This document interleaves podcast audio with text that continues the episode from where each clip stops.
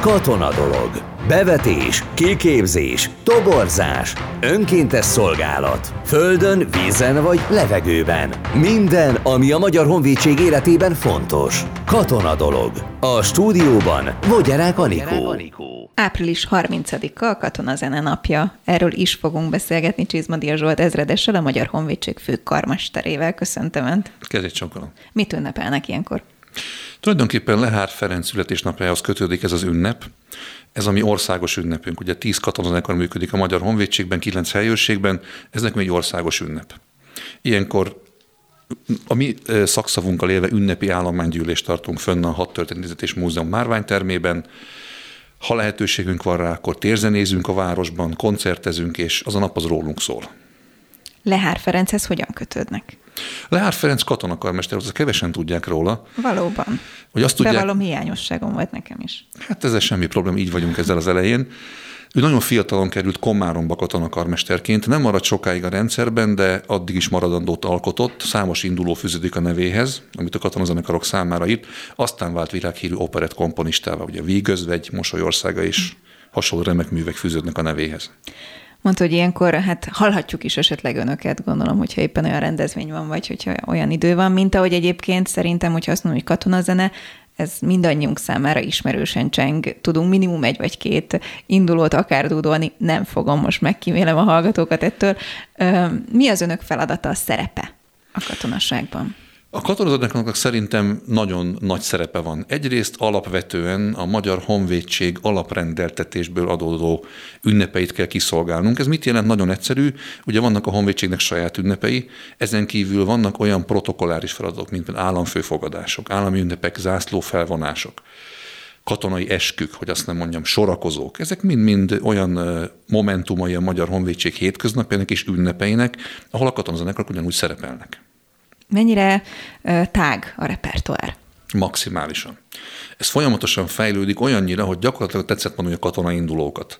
Örülök, hogyha mindenki tud ebből gyúdolni, ez nagyon jó dolog. Szerintem gyerekkorunkból sokan, sokan álltunk, hát, vagy legalábbis akik mondjuk velem egyidősek, annó mondjuk március 15-i ünnepségeken, ugye, és akkor ön is mosolyog, aminek szerves része volt az, hogy ha nem is élőben, de valahogy megszólaljon valamilyen katonazene. Hát most szervesen élőben részei vagyunk, és leszünk most is március 15-én az, az ünnepi zászló felvonásnak, ezek, ezek alap dolgok. Tehát az állami ünnepeken mindig ott van a legnagyobb létszámú katonazenekar az országház előtt és különböző helyszíneken.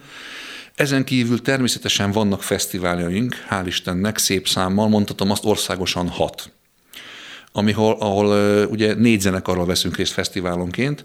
Most, hogy ugye emelkedtek a zenekarunk létszámai, lehet mondani, hogy a Magyar Honvédség parancsnokának segítségével, támogatással és engedélyével minden zenekarunk létszáma emelkedett, 31 fősek lettek a kis létszámú zenekarok, és 65 főre emelkedett a nagy létszámú protokollzenekar létszám, az 340 főt jelent országosan. Tehát aki tudjuk számolni, négy zenekar, az már 120 főt jelent, az már egy szép dolog. Minden fesztiválnak sajátja az, hogy a zenekarok bemutatkoznak ugye térzenéken a különböző városokban, utána összecsődülünk, ha szabad így fogalmazni, és akkor együtt játszik minden zenekar, tehát négy zenekar közösen adnak össze van zenekari koncertet, ezt nagyon szokták élvezni, akik ott meghallgatnak minket. Miben más egy katonazenekar, akár mondjuk összetételében, mint mondjuk egy szimfonikus zenekar? Tulajdonképpen teljes mértékben. Ugyanis a katonazenekarok alapvetően fúvós és ütős hangszerekből állnak. Tehát fafúvós, részfúvós, illetve ütőhangszerekből állnak. Ez azért van, mert ugye a fúvós zene, illetve a katonazene alapvetően menetzenét is jelent. Tehát nekünk menet közben is tudni kell játszani. Ezt egy szimfonikus zenekar kevésbé tudja prezentálni, hát nagybőgökre, csellókra gondolva rögtön kiderül, hogy nem annyira egyszerű az ő életük így.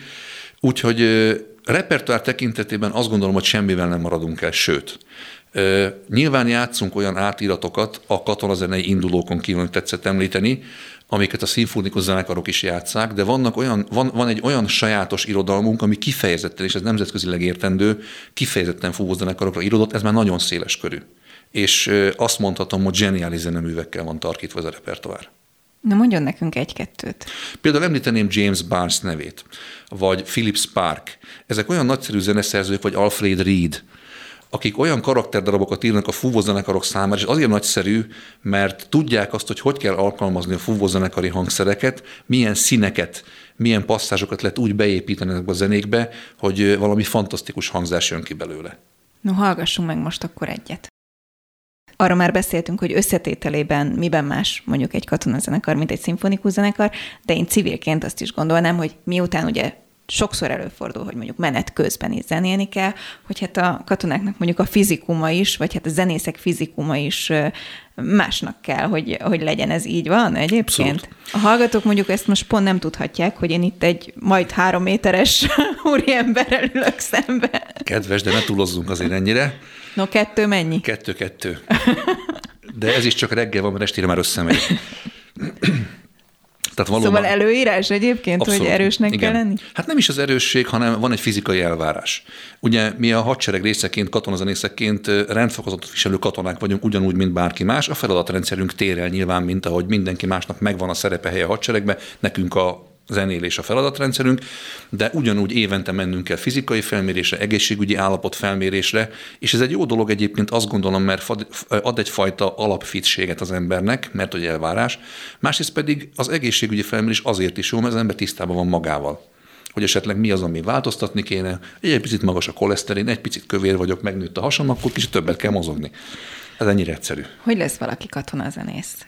Csizmadia Zsolt, hogy lett egy katonazenekarnak a főkarmestere? Hát ez egy hosszú folyamat, megmondom őszintén. Jó, előbb hogy... lesz katona, és aztán elkezd zenélgetni, nem. nyilván nem, ez Épp most fordítva. túlzok. Vagy... Tehát ahhoz, hogy valaki arra a szintre eljusson, hogy zenekarhoz bekerüljön, nyilván gyerekkorban kezd el egy hangszerrel játszani, ugye én is konzervatóriumot végeztem, zenakadémiát, stb. De végig mentünk a ranglétrán, aztán ugye bekerül az ember, mert, mert próbajátékot írnak ki a katonazenekarok is hasonlóan a civil zenekarokhoz, és elmegy az ember, és próbajátékon a hangszerével megmutatja, hogy mit tud. És ha kiválasztják, bekerül a zenekarba adott esetben, utána elkerül kiképzésre, lévén, hogy katonák vagyunk.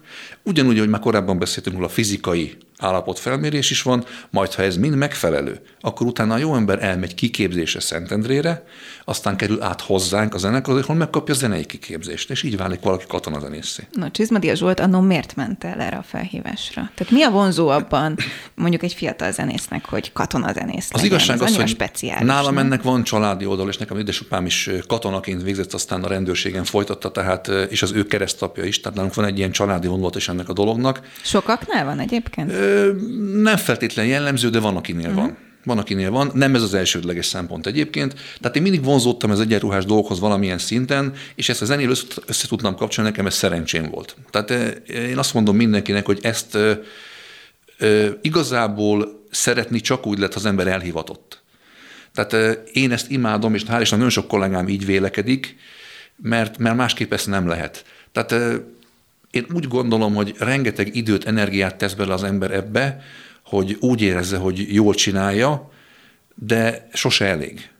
Tehát mindig többet, többet kell, mert, mert ez valahogy megkívánja ezt a dolgot. Hogy zajlik egy próba például? Ez is civilként izgalmas számomra, hiszen mondjuk, hogyha zenészeket veszek, és szerencsére vannak zenész ismerőseim, hát próbálok finoman fogalmazni, eléggé laza hangulatú, mondjuk egy próba. Egy katonáknál gondolom ez máshogy van, vagy nem? Hát a kettő között van valahol. Én megmondom őszintén, hogy azért igyekszünk fegyelmet tartani a próbán, és nyilván, mivel itt egy alkotó munka folyik. Tehát itt azért azt látni kell, hogy nagyon erőből és nagyon szigorkodva egy művészi alkotást létrehozni nem annyira szerencsés. De ugyanakkor tudni kell azt, hogy mivel katonazenekar vagyunk, e, a, a fele, fegyelem az az alapvető, hogy is mondjam, csak része az életünknek. De a próba hasonlóképpen zajlik egyébként a szimfonikus zenekar. Egyébként, mivel én 23 évig játszottam az Operett Színház zenekarába, azért ott is kell legyen fegyelem, hogy mindenki azt amit akar, akkor ott anarchia van. Azt hogy csinálta? Nem rögtön katonazenész lett ezek Nem. Én ezt még egyetemista koromban kezdtem 1988-ban, és volt egy idő, amikor párhuzamosan ment a kettő. Ez nekem üzlet hobbi volt, mondjuk így, de nagyon szerettem, nagyon imádtam, és nagyon büszke vagyok rá. Hát lehárhoz akkor több fronton kötődik Abszolút, ezek így van pontosan. Meg maga, egyébként nagyon szerettem. Sokan úgy egy kicsit érdekesen kezelik ezt a műfajt. Én nagyon büszke vagyok, hogy eltölt, eltöltettem ott ennyit. Rengeteg nagyon jó zenét ismerhettem meg, mert ugye nem csak operett, hanem műzikelt is játszottunk annak idején rengeteg nagyon érdekes embert, nagyon sok kiváló kollégát. Itt most nem csak zenészekről van szó természetesen, hanem, hanem színészek, művészek, uh-huh. táncosok, énekesek. Nem akarok most ebbe bele, ez másik oldal az életemnek nyilván. Sajnos már lezárult 11 évvel ezelőtt, mert ugye hát ez a fajta munkakör, ez, ez ugyanúgy teljes embert kíván, és azt gondolom, hogy azt gondolom, hogy ez feltétlenül szükséges, az ember százszerzelékig ott tudjon lenni valahol. Úgyhogy most elkalandoztam, nem tudom, mi hogy kezdtük ezt? Mi a szépsége egyébként ehhez képest mondjuk a katonai, zenekari életet ugye most már ismeri, és ezt választotta valamiért, ahhoz képest, hogy ezek szerint kipróbálta a hát könnyedebb műfajt. Azért más, mert ugye ott én zenészként tevékenykedtem, itt alapvetően ugye főkarmesterként teljesen más a feladatrendszer. Tehát Akkor itt igazából már... pusztán karrierbeli kihívás a különbség? Nem. Nem, azt gondolom, hogy egyfelől mindenképp természetesen, de nem csak az. Tehát eh, ahhoz, hogy az ember valamit jól tudjon csinálni, ahhoz eh, nem biztos, hogy jó elaprózza magát. Az energiák azt gondolom, hogy mindig egyre tudnak főként összpontosulni, és nem tartom szerencsésnek, most magamról beszélek, azt, hogyha ide is teszünk, oda is teszünk, és egyiket se tudjuk százszerzelékosan csinálni. Tehát el kell dönteni idő után, hogy mi, hol van a főcsapás irány. Minden katonazenész megállná a helyét mondjuk egy szimfonikus zenekarban, és nem minden szimfonikus zenész állná meg a helyét egy katonazenekarban, vagy teljesen más a kettő? Azért nem összehasonlítható a dolog, mert ugye a szimfonikus zenekar javarészt azért vonós hangszerekből áll, mm. vannak teljesen Jó, fú, vannak fúvós, fúvós hangszerek is.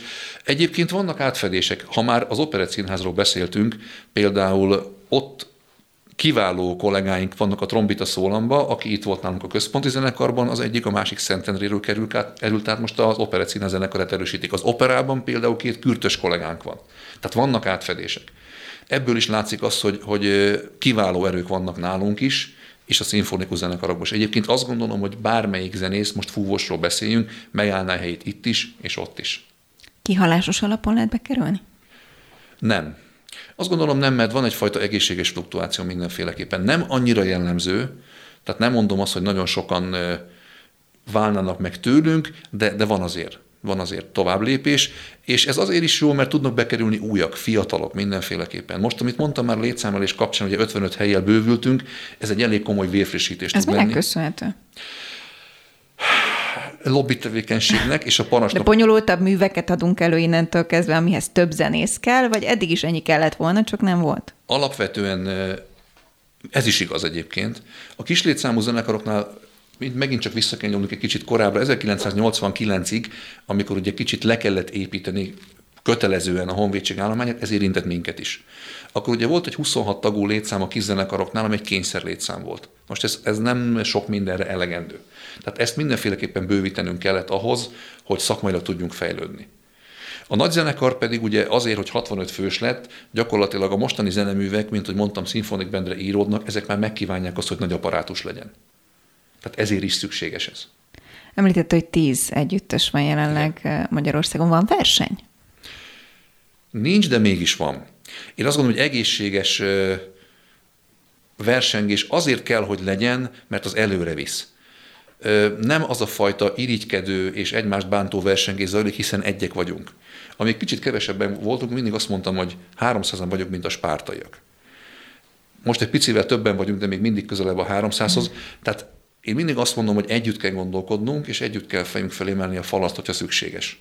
Tehát meg kell tudnunk védeni egymást, kell tudnunk segíteni egymásnak, és semmiképpen nem úgy kell konkurálnunk egymással, hogy bántó vagy, vagy sért legyen egymásra nézve.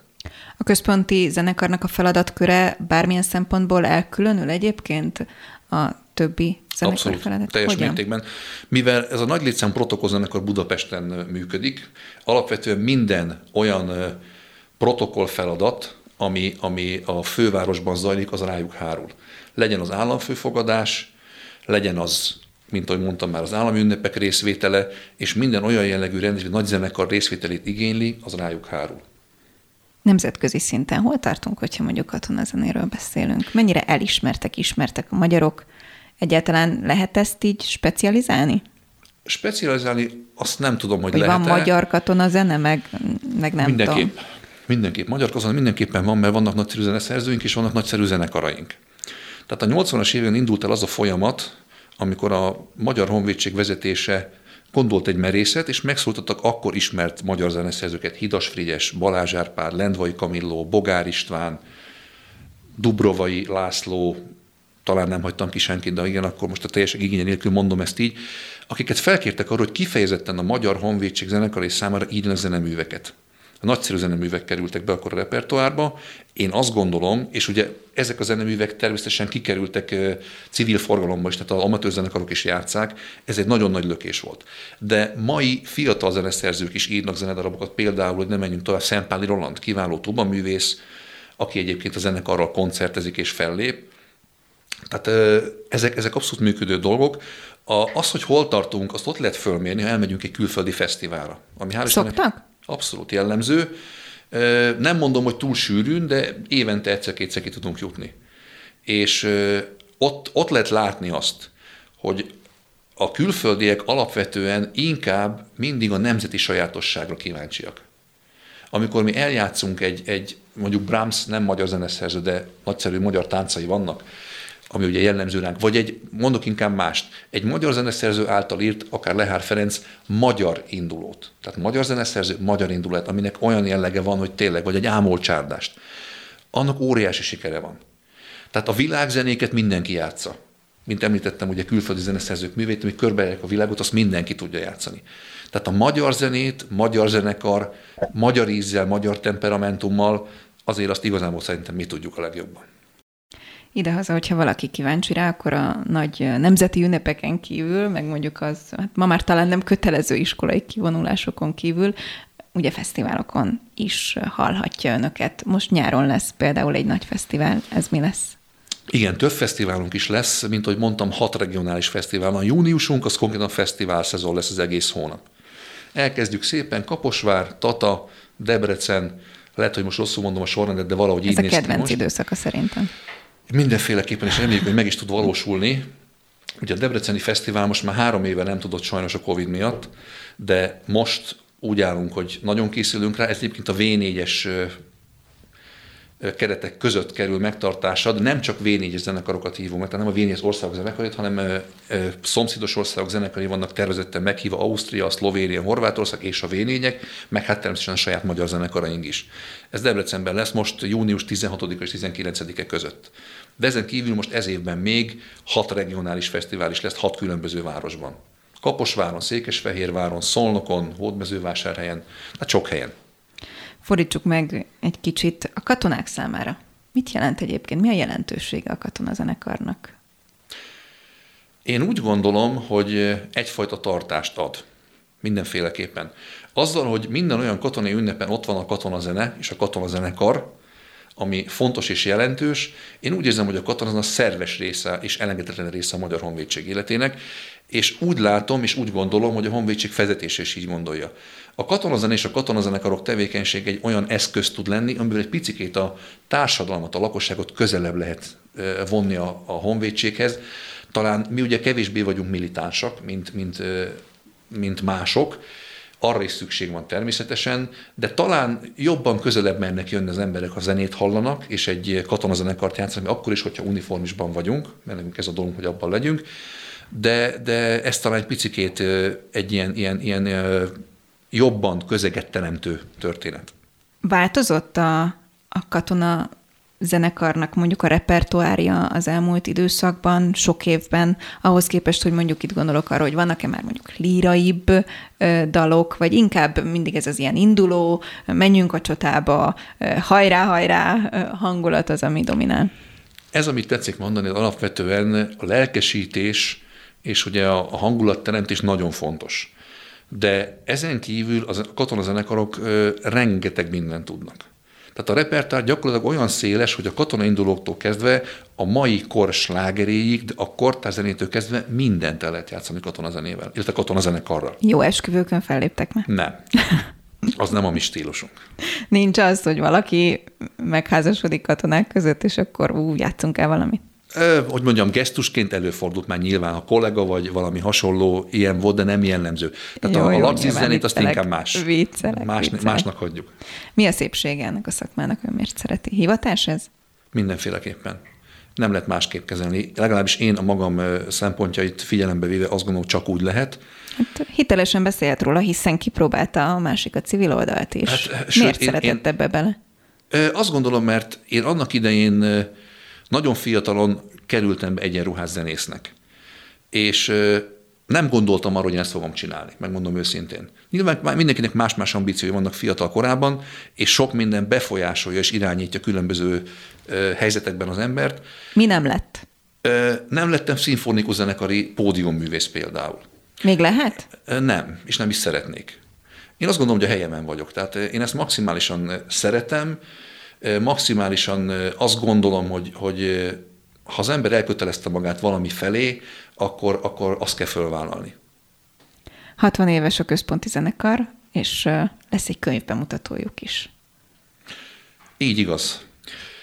Mint mondtam, a legnagyobb létszámú zenekar. 62-re datáljuk vissza ezt a 60 évet, de sokkal régebbi a zenekar egyébként jogelődjeit tekintve. Az első Honvéd ezred gyalogzenekara ig nyúlik vissza ez a, ez a múlt gyakorlatilag, még akkor, amikor 1895-ben ugye akkori honvédelmi miniszter intézkedést adott ki zenekarok szervezésére, tulajdonképpen már akkora nyúlik vissza. De ezt a fajta modernkori zenekart mi 62-től, 62-től számítjuk, ugye mi a létrehozás oka. Budapesten, a fővárosban, mint az már sokszor elhangzott ugye a beszélgetés során, egy protokoll nagy létszámú zenekar létrehozás, ez volt a cél. És ezt is ünneplik. Így van. No, meg a Katona Zene napját április 30-án majd Erről is beszélgettünk Csizmadia Zsolt ezredessel, a Magyar Honvédség főkarmesterével. Nagyon szépen köszönöm. Én is köszönöm. Katona dolog. Bevetés, kiképzés, toborzás, önkéntes szolgálat. Földön, vízen vagy levegőben. Minden, ami a Magyar Honvédség életében fontos. Katona dolog. A stúdióban Vogyarák Anikó. Anikó.